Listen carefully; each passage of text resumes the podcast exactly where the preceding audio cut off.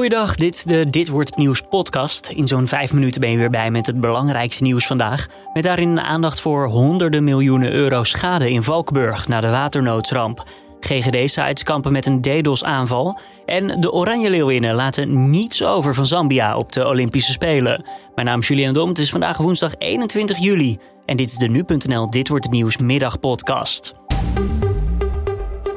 Enorme schade dus in de gemeente Valkenburg. De waternoodramp van vorige week heeft daar enorme schade achtergelaten, vertelt de burgemeester. En de totale schade die uh, Valkenburg aan de Geul heeft geleden, is het eh, bedrag van 400 eh, miljoen euro. Ook heeft de burgemeester een noodverordening ingesteld voor het buitengebied van Valkenburg. Omdat daar het, het laten we zeggen, het zwaar verontreinigd slip en ook uh, allerhande materialen bevinden die door de GGD nu worden ingeschaald als een groot uh, gezondheidsrisico. In totaal zijn 2300 woningen beschadigd geraakt, waarvan 700 onbewoonbaar zijn verklaard. Bijna alle gezinnen uit die huizen hebben tijdelijk onderkomen gevonden inmiddels.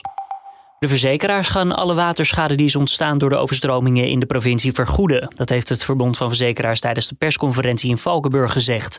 Normaal gesproken worden die kosten bij zakelijke klanten niet gedekt, maar omdat de omstandigheden zo uitzonderlijk zijn, doen ze dat deze keer wel. DDoS-aanvallen op de GGD-sites voor test- en prikafspraken. Daardoor lukt het soms niet om in te loggen met je DigiD-gegevens op de GGD-websites. Je kunt daardoor problemen hebben bij het opvragen van testuitslagen of bij het maken van een afspraak voor een coronatest of vaccinatie. De GGD roept daarom op om te bellen. Wanneer de problemen zijn opgelost is nog niet bekend. Het aantal coronabesmettingen blijft zich ondertussen stabiliseren. Bij het RIVM zijn de afgelopen dag zo'n 7000 nieuwe gevallen gemeld. In de ziekenhuizen blijft het aantal patiënten wel toenemen. Er kwamen de afgelopen dag 65 bij.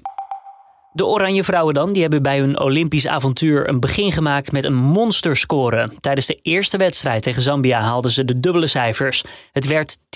Daar is nummer 10. Moment voor Pelova om nooit te vergeten. En eigenlijk toch ook op de Olympische Spelen 10 goals maken in de eerste wedstrijd. Voor het Nederlandse voetbal niet. Dat hoorde je bij de NOS. Viviane Miedema had het grootste aandeel in de overwinning. Zij scoorde namelijk vier keer. Zaterdag spelen de Nederlandse vrouwen weer dan tegen Brazilië... dat eerder vandaag nog won van China met 5-0.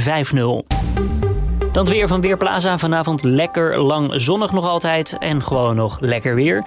Morgen in het noorden wat bewolking, maar verder volop zon. Het is tussen de 20 en 25 graden. Wel zorgt de wind voor wat verkoeling.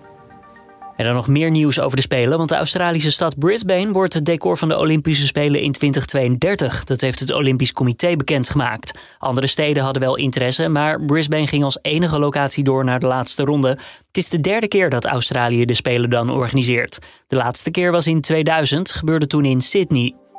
En dit was hem dan weer, de Dit Wordt Nieuws podcast van deze woensdag 21 juli. Tips, feedback zijn altijd welkom. Kan je toesturen naar podcast.nu.nl. Mijn naam is Julian Dom. Ik wens je een fijne avond. En morgenochtend collega Carne van de Brinken weer om 6 uur ochtends met het nieuws van dan. Op nu.